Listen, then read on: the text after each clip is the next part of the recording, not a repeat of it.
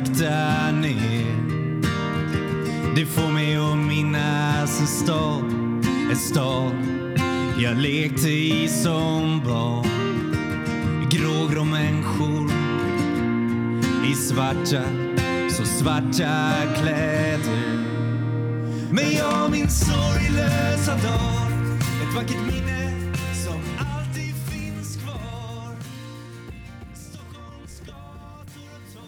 Ja, hej och välkomna till ett nytt avsnitt av Beroendepodden. Mitt namn är Anneli. Välkommen till er som lyssnar för första gången och välkommen tillbaka till er andra. Eh, Beroendepodden är en podcast om alla olika sorters beroende, missbruk, medberoende och psykisk ohälsa. Och jag som driver podden lever själv som nykter alkoholist sen eh, jag är inne på mitt tionde år. Eh, jag är en beroendemänniska men alkohol är min huvuddrog. Ni kan lyssna, om ni vill veta mer om mig så kan ni lyssna på avsnitt ett.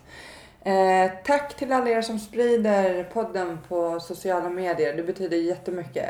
Så fortsätt sprida på Instagram och Facebook och sådär. Så det är verkligen så fler har möjlighet att hitta till podden och eh, förhoppningsvis kunna känna hjälp sig, igen sig och få hjälp. Eller bara för att man är intresserad av att lyssna hur, hur andra har det. Så. Eh, vill man stötta podden kan man göra det genom att gå in på hemsidan eh, och där står det hur man gör. Eh, man kan även anmäla sig till Flatenloppet som är ett eh, löplopp runt Flatensjön den 15 september.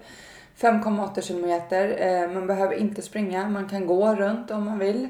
Eh, det är en fantastisk eh, plats som loppet är, jättevackert och alla år har varit eh, sol så jag räknar med det i år igen.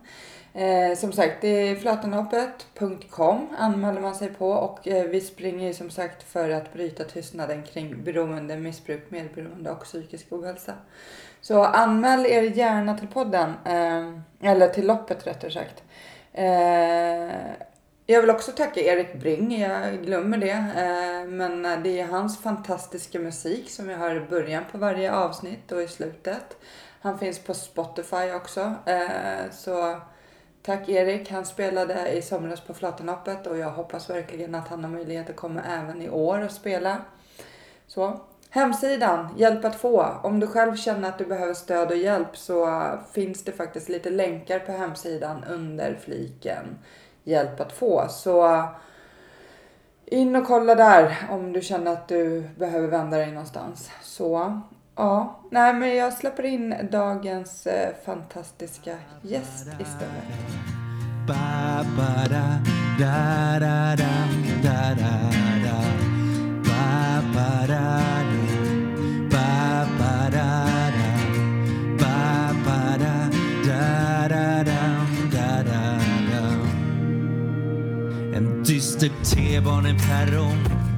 ett liv Ja, hej och välkommen till Beroendepodden Åke Södergren.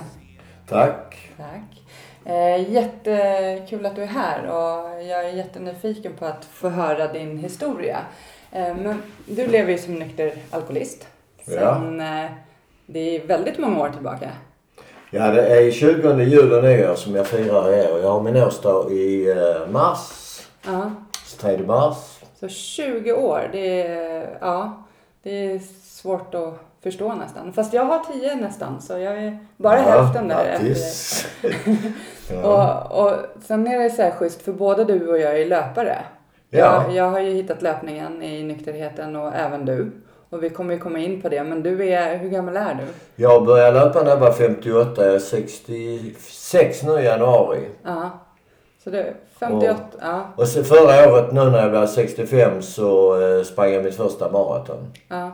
Ja, det är så coolt Ja. tycker jag. Och det är eh, skoj att kunna dela med sig och visa att det går att börja även som gammal. Ja. ja, det är ju många som eh, skyller på allt möjligt och framför allt åldern. Nej, men jag är för gammal. Men det är liksom, du kan, eh, när det kommer till löpning, det finns ju ingen, ingen, inga bortförklaringar tänkte jag säga. Det är bara ut och springa om man vill. Men vi kommer lite till det. Men vi ska börja med att du ska få berätta ja, om ditt liv, vart du kommer ifrån. Eh, vi börjar med vart du är uppvuxen och barndomen lite grann. Ja. Och jag är ju Malmöpåg som ni hör. och jag är född 1952 och eh, uppvuxen i Slottsstaden i Malmö. Jag är eh, en av fyra syskon. Ett sladdarbarn som föddes nio år efter min ene bror. Så jag har syskon som är 9, 10 och 12 år äldre än mig själv. Så jag kan nästan räknas som ett ensambarn. För de, på den tiden flyttade de hemifrån rätt så fort.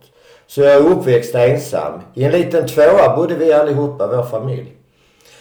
Mor eh, var hemmafru. Far jobbade. Och periodvis jobbade han jättemycket för att de skulle få det att räcka till fick han jobba dubbelt. Så eh, far han gick tidigt och kom hem sent. Under många år. Eh, mina syskon de flyttade ju ungefär i regel när de blev 18 år på den tiden. Så man kan väl säga att från 8-9 års ålder så var jag rätt ensam. Jag var väl en liten, ja vad ska man säga, mors påg, bortskämd. Lite så när jag växte upp. Ingen tuffing på gården. Jag satt ofta och skrek på mojan, mor, när det hände något obehagligt på gården. Jag hade inte så jättemycket vänner. Jag hade en bästa kompis som ungefär var lika feg som mig. Och eh, jag växte väl upp under den andan fram till, vad ska man säga, sjätte klass. Då eh, skötte jag skolan jättebra. Och jag vet inte vad som hände vid sjunde och sånt. Jag hade väl en dålig självkänsla och började tröttna på skolan. Hade inte ork att läsa hemma och sånt. Och i den vevan där när jag kom upp i den åldern så eh, började jag röka vid 13 års åldern. Och eh, några år senare så började jag prova på alkoholen ju. Och eh, ja det började ju inte så bra för redan där i början, en av mina första fyllor så kom piken och hittade mig i buskarna i parken i, mitt emot där mor och far bodde. Men de körde inte, tog ju inte med mig utan de gick ju upp med mig till mina föräldrar. Och det är faktiskt enda gången polisen har tagit hand om mig när jag är full. Det var när jag var 13. Då var jag nog en 14 år. Men jag fann ju någonting där ändå även fast jag blev så sjuk den gången och inte kunde ta hand om mig själv. Så skrämde ju inte det mig. Eh, I nionde klass hamnade jag ju i en klass där vi bara var killar. Och det var ju alla de som var trötta på skolan som hamnade i den klassen. Teknisk linje. Det var en massa halvbusiga i skolan. Och jag sållade mig till den kategorin. Skolka jättemycket. Eh, tappa alla betyg. Eh, och i nian så kom ju liksom en kille in i livet som gjorde en påverkan på mig från början så jag hamnade ju egentligen lite i olag med rättvisan. Eh, det var en fosterhemsplacerad kille som hamnade hos sin morbror. Så han hamnade i min klass och det blev ju min bästa polare för han var ju lite tuff. Och han, det var ingen som vågade röra sig. Så det var bra att ha han som kompis. Det var aldrig någon som mobbade en eller var på en och vågade slå på en eller något sånt. För de visste att jag var polare med den här killen. Och eh, den här killen, jag från början fattade jag vad han höll på med. Han hade alltid pengar. Och han bjöd. Och det var alltid festa och dricka. Så vi hade alltid pengar så vi kunde dricka och festa och så. Men jag fick ju reda på lite sen. Han var ju ute på nätterna och kröp in hos, hos folk i lägenheter och snodde pengar hos dem. Och eh, han lärde mig också hur man stal skivor. Så vi stal jättemycket skivor ute på varuhusen och eh, sålde dem vidare. Vi tog beställningar. Och vi tog väl en tio skivor åt gången. På den tiden var det inte som idag. Det var märkning och det var så mycket vakter och sånt. Så vi klarade oss jättemånga år.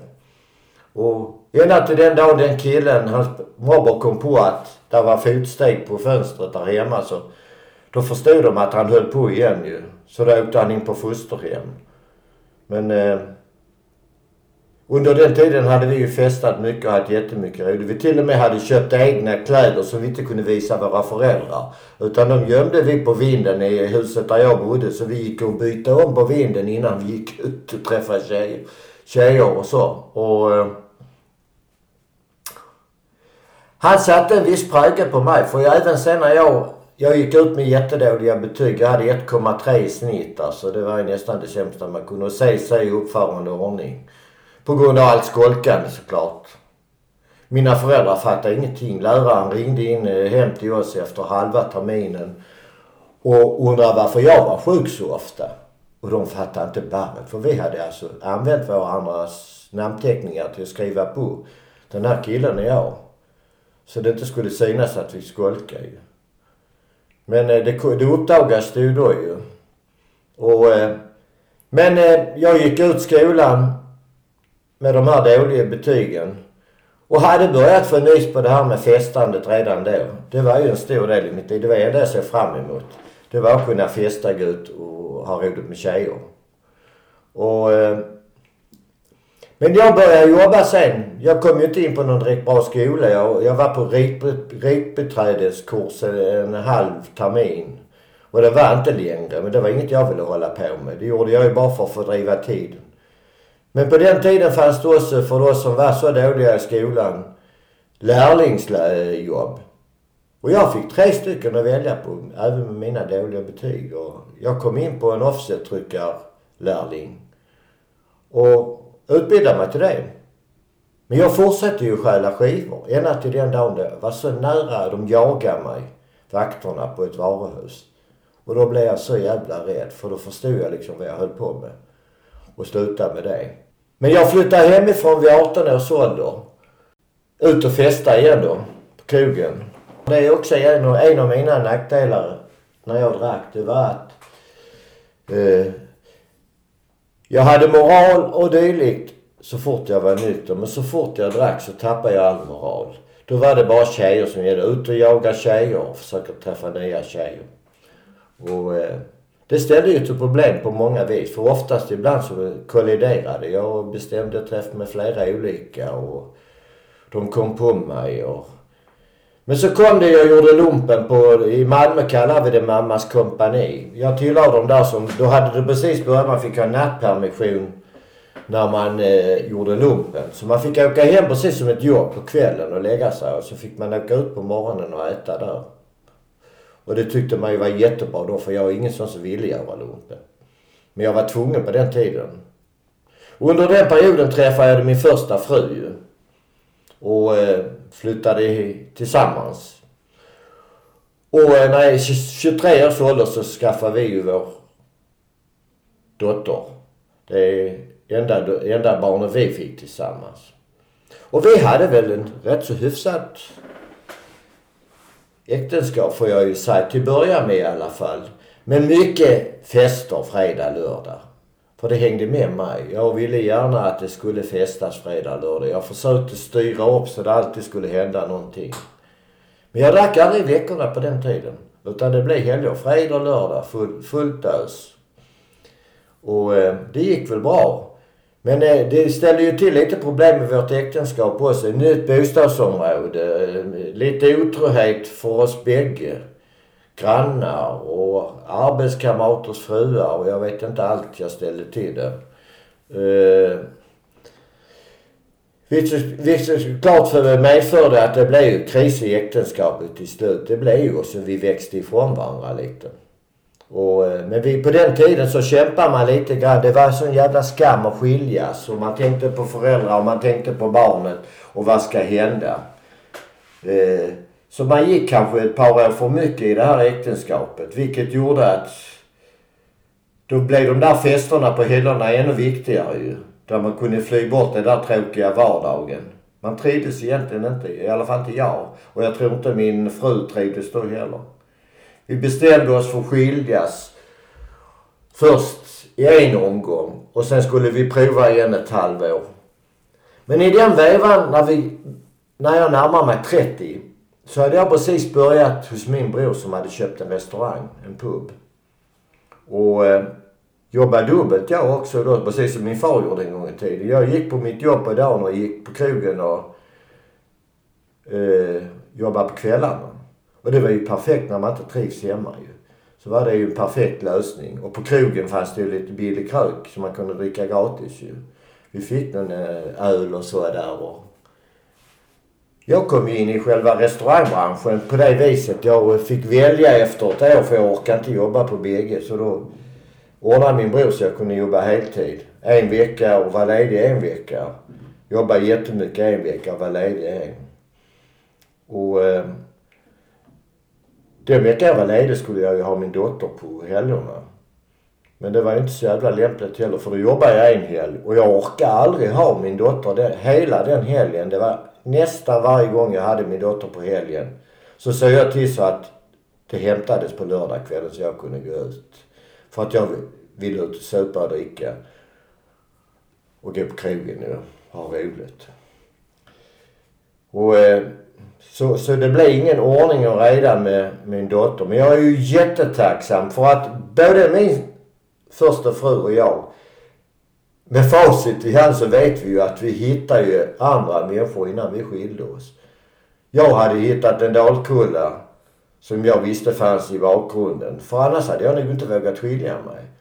Och sen i efterhand har jag fått reda på att hon hade ju redan börjat träffa sin nuvarande man. Också sidan om utan att jag visste det.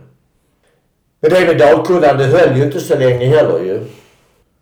Och då började ju mitt drickande eskalera. För då blev jag ju själv, jag blev rätt så hårt tagen av det att inte hon fick, kunde flytta ner med dottern. Då blev det 70 mil emellan. Och då började mitt festande eskalera. Och jag eh, hamnade i en kontokarusell. På grund av att jag levde över mina tillgångar. Jag har ju alltid varit den där människan som gärna vill bräscha och bjuda lite och ha mig. Men jag bjöd över, jag bjöd på det jag egentligen inte hade. Genom krediter och dylikt. Jag åkte utomlands på krediter. Så till slut var jag uppe i en karusell som... Jag var närmare 150 000. Och så på den tiden var det så som man betalade en tiondel. Alltså jag, det var så mycket pengar jag skulle betala varje månad så att det, det räckte inte till min lön alltså. Och då fick jag ju en snillevik så jag började ju bränna sprit för själv först och främst dricka. För det skulle bli billigt. Men i ett senare läge förstod jag att det kunde ju vara någonting att hämta genom att sälja till andra. Så att jag fick ihop det här så att jag klarade mig var månad och fick det att gå runt. Eh, det eskalerade det också. Till slut stod där 20 dunkar och puttrade i det ena rummet hemma hos mig. En jättemodern anläggning för att bränna det. Så att jag kunde gå hemifrån utan att vara orolig att eh, huset sprängdes i bitar. Men eh, och, och så pågick det ett bra tag. Jag sålde, jag gjorde 20 dunkar i veckan och sålde på det. Och det roligaste egentligen, är inte roliga, men det dummaste egentligen av allt, det var att jag brände billig sprit. Och så gick jag ut på krogen och drack dyr sprit och bjöd på det. Så jag... Det blev så tokigt av alltihopa här så jag hade inte så mycket nöje av det där jag fick in i pengar på mitt hembrännande. Men då stod där tre poliser utanför dörren en dag och knackade och frågade om de fick komma in och titta på. För de hade fått tips om att jag höll på att göra sånt här ju. Och de öppnade ju dörren där så det första de sa det var ja det här var ju en fin liten spritfabrik. Det var kanske det bästa som kunde hända mig just då ju. För eh, då kunde jag ta tag i mitt liv och då fick jag vara ärlig mot min bror ju och berätta hur det låg till. Att jag brände sprit för att jag hade en dålig ekonomi och sånt. Och då hade vi en jurist som gick på puben där som tog tag och hjälpte mig och min bror. För min bror hade pengar. Så då kunde man gå in och göra en deal med de här fordringsägarna på 50% Så istället för 150 000 så blev det 75 000. Och det gick de här fordringsägarna med på. Och då fick jag, la min bror ut och jag fick jobba av det. Så följande åren där fick jag jobba som eh, bara den. Och det är också på gott och ont. Det gjorde ju också att mitt drickande eskalerade ännu mer på grund av att jag tyckte det var så jävla tråkigt för jag jobbade alltid. Och jag kunde ju vara lite full på jobbet. Utan att folk märkte det. Och eh, det gjorde ju också att sen när kvällen var slut så var vi ute mycket på krogen. Alla vi som jobbade där. Vi hamnade i innevärlden. Jag hade min bästa polare som var discjockey på de bästa ställena. Vi fick gå in före köer och... Jag levde ett jättegott... Jag tyckte jag hade ett drömliv då. perfekt. Komma ut. Jag kunde ta med mig folk ut där ute. Och när man är servitör och står i baren så är det ju faktiskt rätt så många som står och blinkar till en också. Så man kunde bjuda med folk. Lite fult för att kanske senare i ände försöka få omkull dem och få mig hem. Men eh, det var ju så det var då ju. Det var, eh, det var mitt liv och jag ville inte byta det mot någonting annat. Och det gick ju ut över min eh, dotter också. Det var inte mycket jag träffade henne de här åren. Tyvärr. Och eh, i slutändan så ledde det till att jag fick ut fängelsestraff. Och det var, jag fick sex månaders fängelse och, och på den, man gjorde hälften. Och halva tiden fick jag komma och jobba. Eh, och det fick jag jobba på puben. Men då fick jag ta antabus eftersom det var sprit tillgängligt på krogen. Så om jag ville jobba på, på krogen så fick jag ta antabus. Varje dag jag åkte till jobbet. Och eh, det gjorde jag då ju. För det var ju skönt att komma ifrån. Jag satt på en öppen anstalt, något som heter Tygesjö utanför Malmö och ja det var inte de värsta kriminella jag satt med. Det var ju lite sådana där småbedrag, skattebedragare, andra hembrännare och som hade gjort lite mindre brott ju. Och, eh, så det var ingen period jag mådde jättedåligt av. Mer än att det berövade mig friheten liksom.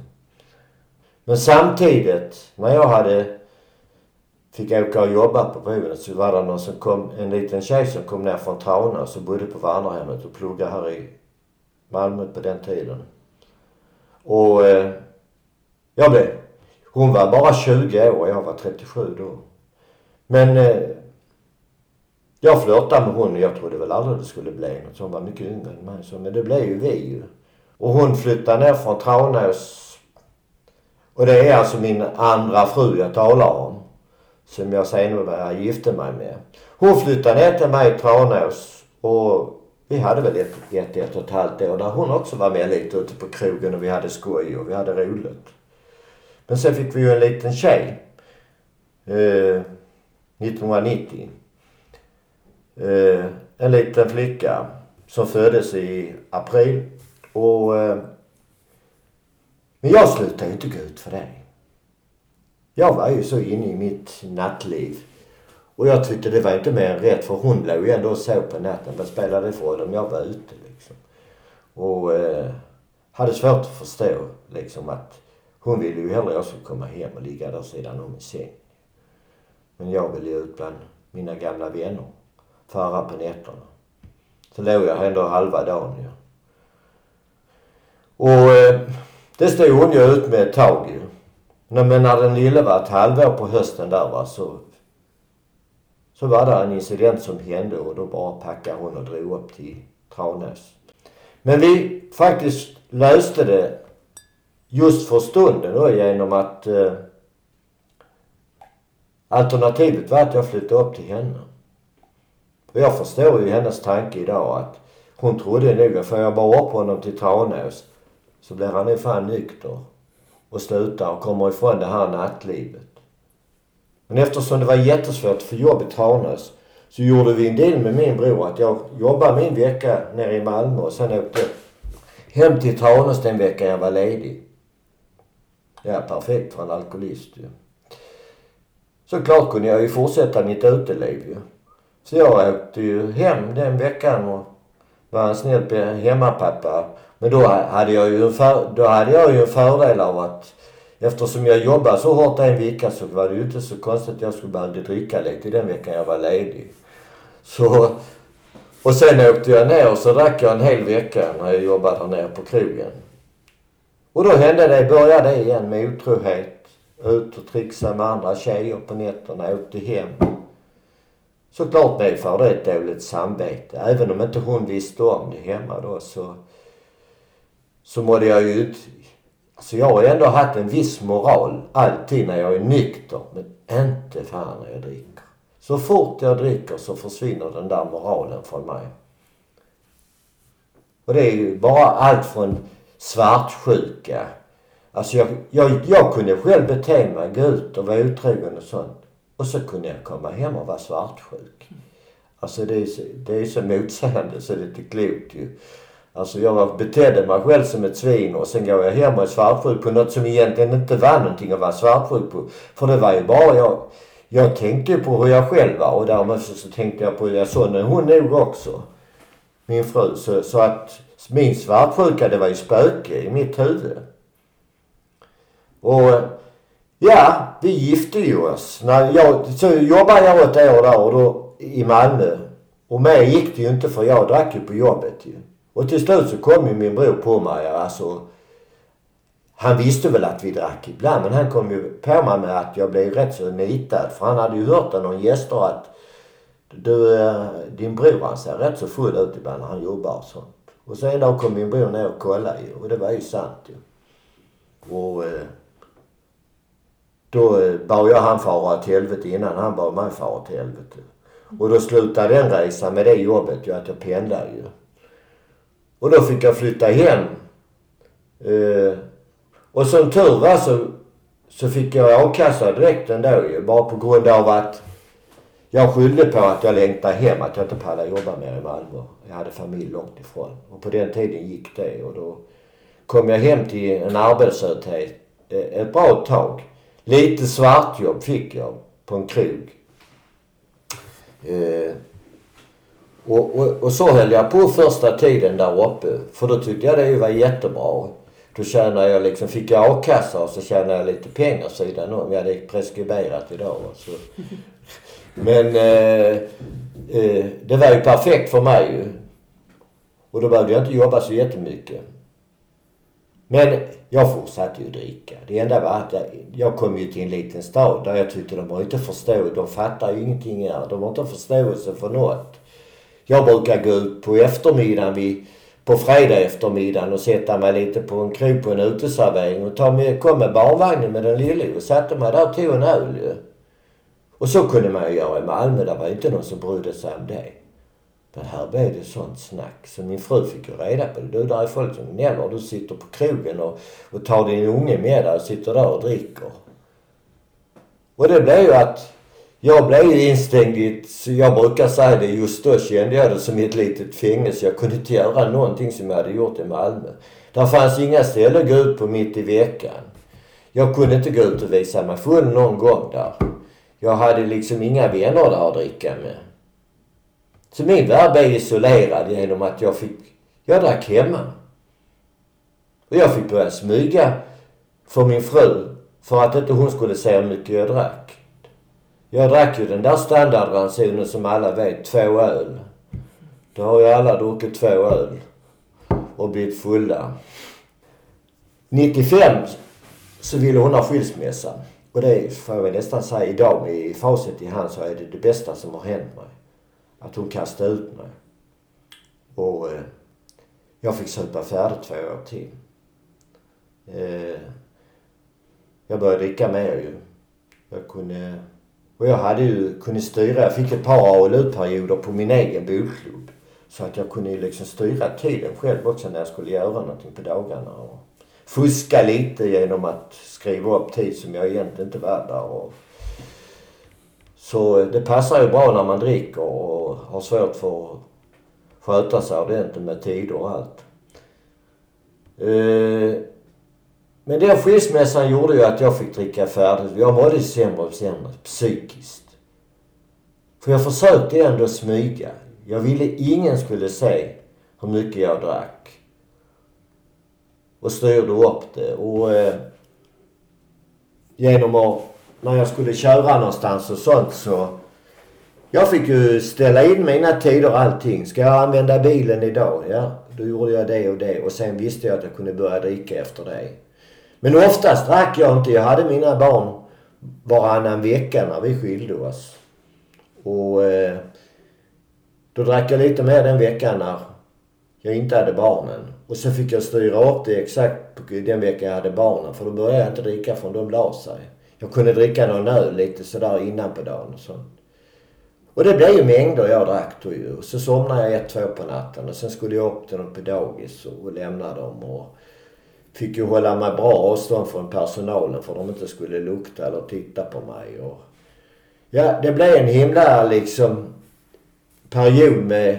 tog så mycket energi av mig att liksom reda ut allt det här för att inte folk skulle fatta. Det är bara, bara sådana grejer som går på bolag och allt sånt. Eh, jag fick ju liksom styra upp det så att liksom det var på olika ställen. Olika affärer när jag handlade öl. Så de inte såg att han är där och handlar öl var dag. Alltså. Och eh, jag, jag dolde det rätt så bra för eh, jag vet bland annat den dagen när jag blev nykter. Sen så vet jag ju att vännerna, föräldrarna till de eh, mina barn lekte med. De, när jag berättade sen att jag hade druckit så mycket som jag gjort, de fattade inte bäret. För jag hade dolt det så bra. Du som är en sån fin pappa. Ja, ja fin pappa, ja det var jag inte. Men utåt sett kanske i andras ögon så, så försökte jag ju vara det ju. Men jag manipulerar ju folk. Och eh, så här pågick det. Och en av mina sista fyllegrejer egentligen det var ju att tillfredsställa mina barn med att köpa en liten hund. Två månader innan jag blev nykter köpte jag en liten hund. För jag hade så dåligt samvete för mina barn. För jag mådde så bra. Jag var så rädd att jag skulle bli av med dem. Att de inte skulle vilja vara hos mig. Och att det skulle komma på hur mycket jag drack så, det, så barnen togs ifrån mig. Att jag inte fick ha dem varannan vecka. Jag hade ett helsike att få det till att fungera. Allting. Och jag mådde inte bra psykiskt. Och så blev det ju att jag fick sparken en andra gång ju. Det året i december. Det var precis innan jul. Så jobbade jag med min brors dotter. Jag betedde mig dumt, jättedumt mot henne ju. Och hon ringde väl och sa att jag var full på jobbet. Utan då slutade jag en andra gång. Och då hade jag nog någon av mina värsta månader. Den julen och fram till mars. Då drack jag extra mycket och eh, det gjorde att det som jag brukar säga det är min förhoppningsvis sista resa med alkohol. Jag nådde min botten. Jag mådde så psykiskt dåligt av allt som hade hänt. Alla konsekvenser det hade ställt till. Min bror var inte alltid rolig att jobba med. Men han var schysst, han var snäll. Det var liksom inte hans fel att det blev som så. Men jag skyllde ju mycket på min bror. Och allt annat på hela världen ibland när jag drack ju. Det var ju alla andras fel ju. Det var inte mitt, jag kunde inte se min egen del allt som hände då ju. Hade det inte varit för den och den, hade jag inte haft den frun, hade jag fått någon annan. Alltså det var jag, jag hittade alltid anledningar till varför jag skulle... Det var inte mitt fel att jag drack. Det var andras fel att jag drack. Och hade de haft förståelse för mig så hade inte jag behövt dricka på detta vis. Så jag vet ju själv, man kan skratta åt det idag. Det låter så löjligt ju. Att när man... Eh, när, när man skyller allt på andra. Och den här sista gången nu. Förhoppningsvis sista gången ska jag säga. Det vet jag aldrig. Jag hoppas jag har blivit så klok så jag aldrig hamnar där igen. Eh, då sökte jag hjälp och jag vet datumet jag ringde, det var den 21, 21 mars 98. Då eh, ringde jag till socialmedicinska, hette det i Tranås. De hade ingen sån som i storstäderna, alkoholklinik så. Utan man fick ringa och då var det en vanlig underskö, eh, eller en vanlig sjuksköterska som, och det var en kille som hade hand om den biten. Så man fick ju komma ut och prata med honom och så fick man sin antabus. Och jag ringde och sa på fredagen där då så sa jag, ja men kan du komma idag sa han. Nej men du jag ska ha gäster i helgen sa jag. Det kommer två tjejer från Göteborg och ska hälsa på mig i helgen. Kan jag inte komma på måndag? För då var... Jag tänkte på att jag ville ju dricka med dem på helgen där. När de var hos mig. Och... Eh, det sa han okej okay, ja. Och så fick jag en tid klockan tre på måndag eftermiddag. Och de var hos mig på helgen och jag fick ju smyga. Jag hade folköl i garderoben i sovrummet för jag ville inte visa hur jag drack. Mm. Och jag drack ju friskt den helgen. Och vaknar måndag morgon och mår så dåligt abstinens. Alltså, och jag vet att jag, ska jag gå ut och få antabus så måste jag vara nykter när jag går dit. Annars får jag ingenting för jag får blåsa när jag kommer dit. Och jag tyckte det var så lång den dagen. Och tänkte vilken jävla idiot som ger mig en tid klockan tre på eftermiddagen. Så då la jag felet, då la jag skulden på någon annan igen Det var ju inte mitt fel Det var, jag kunde ju gått på fredag men jag ville tvunget vänta till måndag. Och det var så jättenära att jag innan det var dags att gå dit. Att jag sket i det och tänkte jag skiter i detta.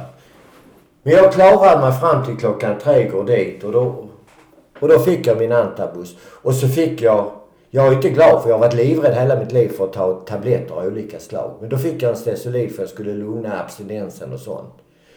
Och eh, det gjorde det ju. Men jag ville inte ha fler. Jag ville bara ha precis så jag klarade den dagen. Då. För det låter hemskt. Jag, jag var inte rädd för att supa skallen i bitar. Men jag har varit livrädd för tabletter, knark, allt som har hasch och allt sånt. Hasch rökade jag bara en gång, det var i nian. Och jag blev så jävla dålig. Sen dess rökade jag det aldrig mer. Och det är jag enormt tacksam för idag. Att jag bara är alkoholist om jag sa. Jag har eh, varit livrädd för de andra preparaten som har funnits. Mm. Och... Eh, ja, så på den vägen var det ju. Så jag eh, tog ju min antabus. Och jag fick ju gå ut till honom då ett par gånger i veckan och få det här ju. Och, eh, men det var ju inte för min egen skull. Egentligen då. Ja, jo, det var för min egen skull att jag ville bli, må bättre ju. Men jag hade ingen tanke om att sluta dricka. Utan jag tänkte fan tre månader, mars, april, maj, juni, midsommar. Ja, det blir nog lagom att börja dricka till midsommar. Men eh, under den resan, sista resan där, så vet jag inte vad som hände med mig. Jag hade ju varit med om de här antabuskurerna så många gånger och jag visste ju ungefär hur jag mådde och jag visste vad som hände när jag började dricka igen. Så jag vet inte om det var det som gjorde att jag Börja tänka till. Ska jag nu göra likadant som jag alltid har gjort? Och vad har resultatet blivit? Det är precis likadant som alltid annars. Åt helsike. Det har blivit helt galet. Och, eh, men denna gången på, så fick jag lite andra tankar. Ska jag prova att göra någonting annat? Jag visste ju att det var vänner till mig som hade hittat en gemenskap där man kan få hjälp med sin alkoholism. Och eh, de hade lyckats. Bland annat någon av mina stamkunder när jag jobbade på krogen. Som kom när jag öppnade och gick när vi stängde. Och varit nykter i 13-14 år. En som jag absolut inte trodde skulle kunna sluta dricka. Han hade funnit en gemenskap där han gick och fick hjälp. Och eh, det kom upp i mitt huvud. Så, så jag eh, började få andra tankar.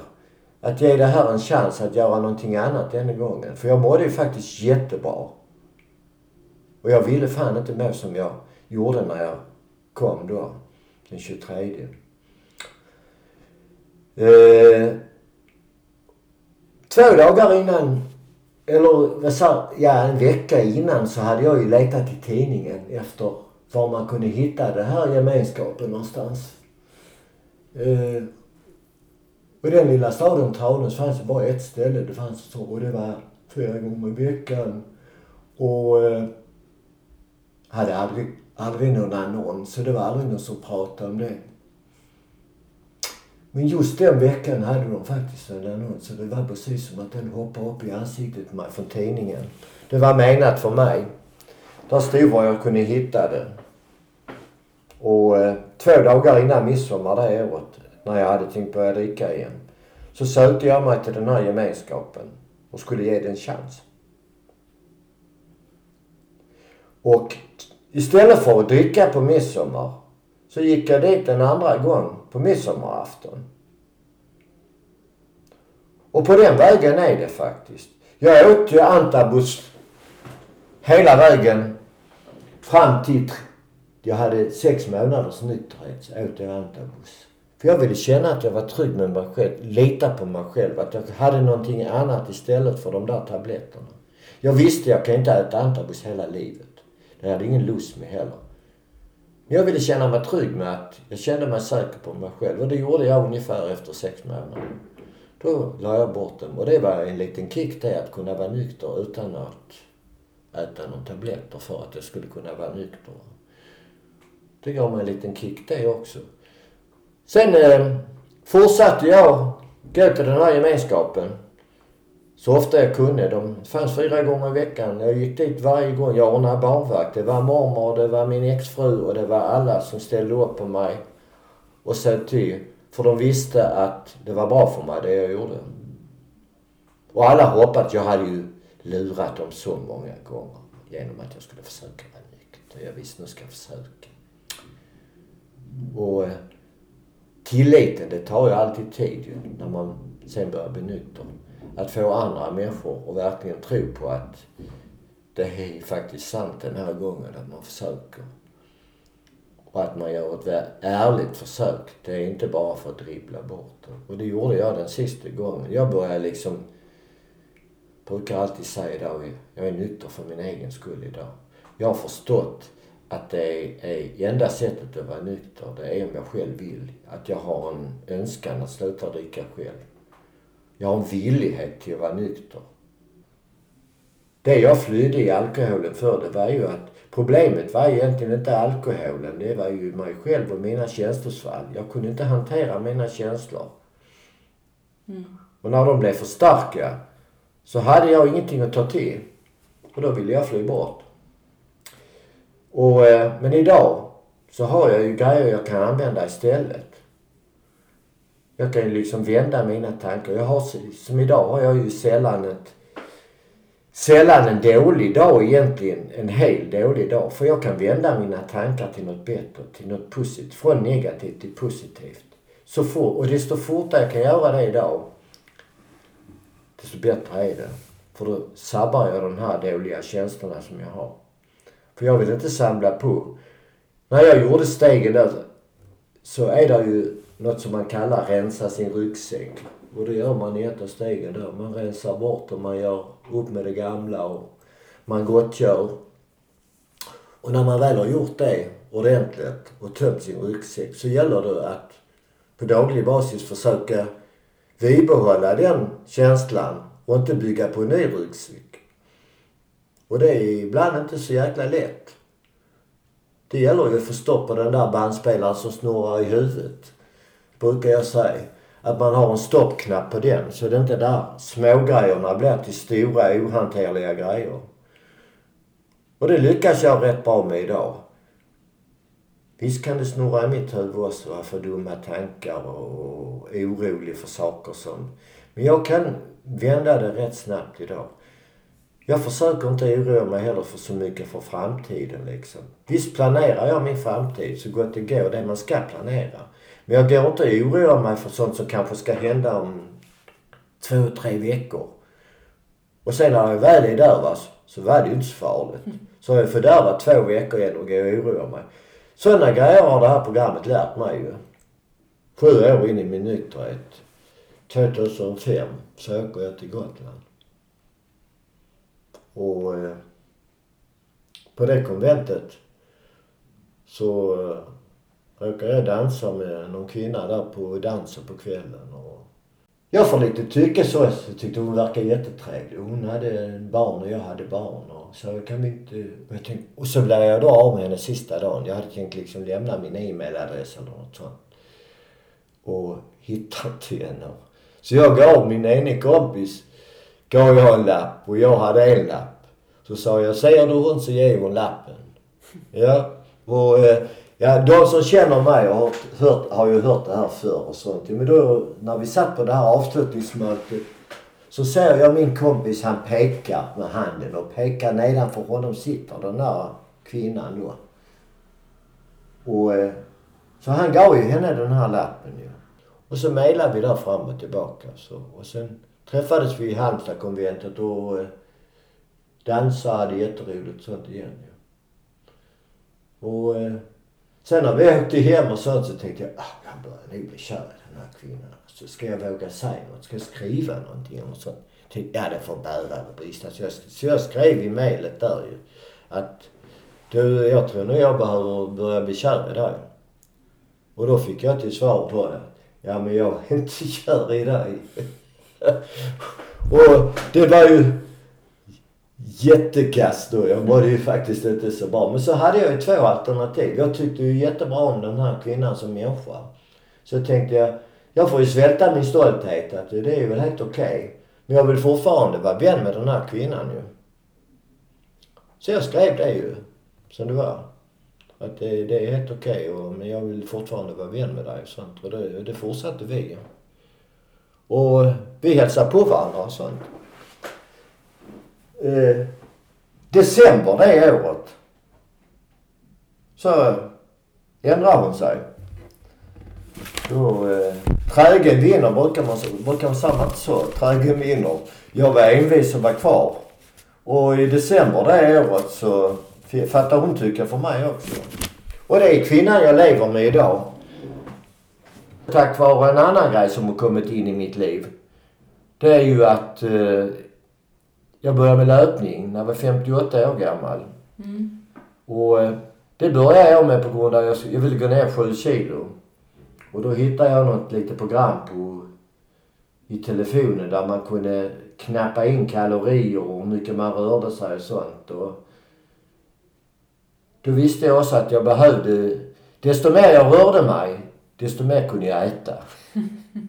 ja, för det var så snålt taget då. Så på fredagen så, och då började jag springa lite rundor.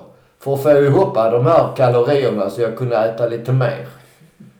Och eh, jag gick ner ett kilo i veckan under sju veckorna. Och eh, då hade jag ju liksom fått eh, lite nys på det här med löpning och sånt. Och i den vevan så var det då några andra vänner i geme gemenskapen jag är med i som också peppar mig. Så, ja men ska du inte springa Midnattsloppet? Så sa jag, nej men det är för långt sa jag. Och då hade jag precis kommit upp så jag var på fem kilometer och så.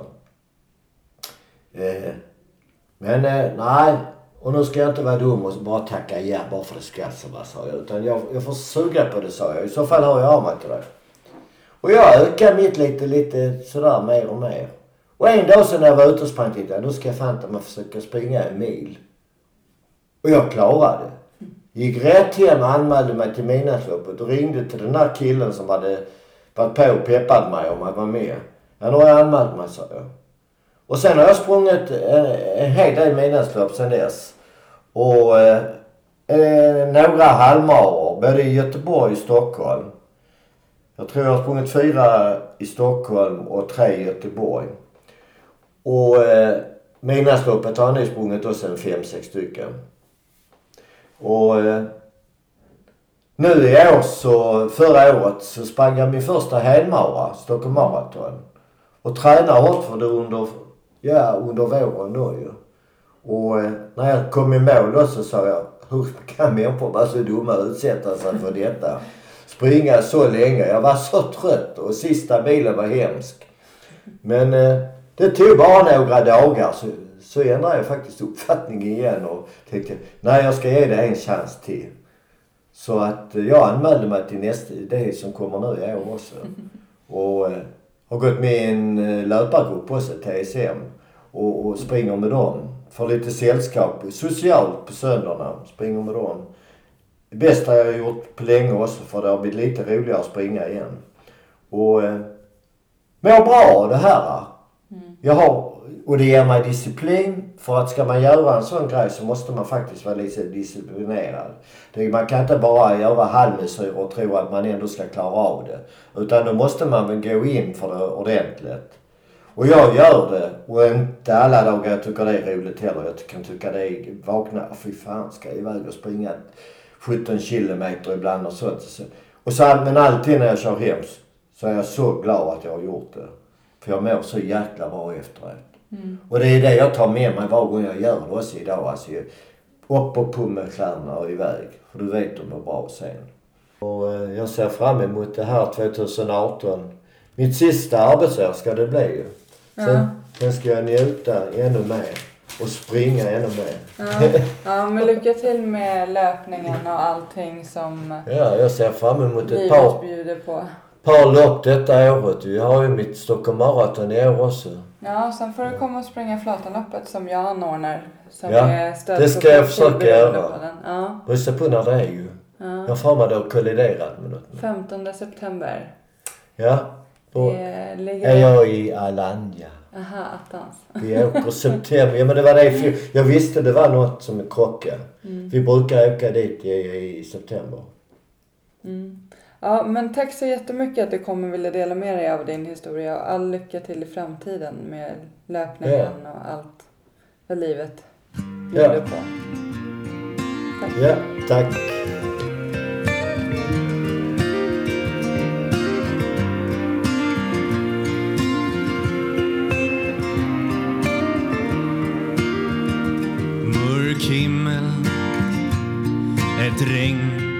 Faller sakta ner.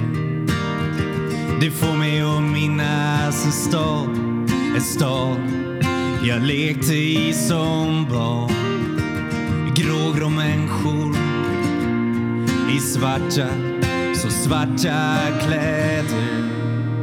Men jag minns sorglösa dagar. Ett vackert minne som alltid finns kvar. Stockholms gator och torg Ett liv så långt ifrån sorg ba ba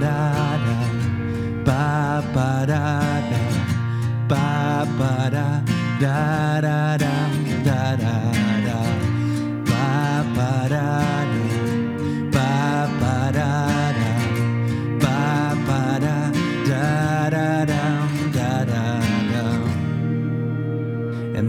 Typ en dyster T-baneperrong Ett liv inrutat i betong. Stäng ut det andra med musik. Fokusera allt på att bli rik. Här finns en dyster atmosfär. Ett liv kretsat kring karriär. Men jag min sorg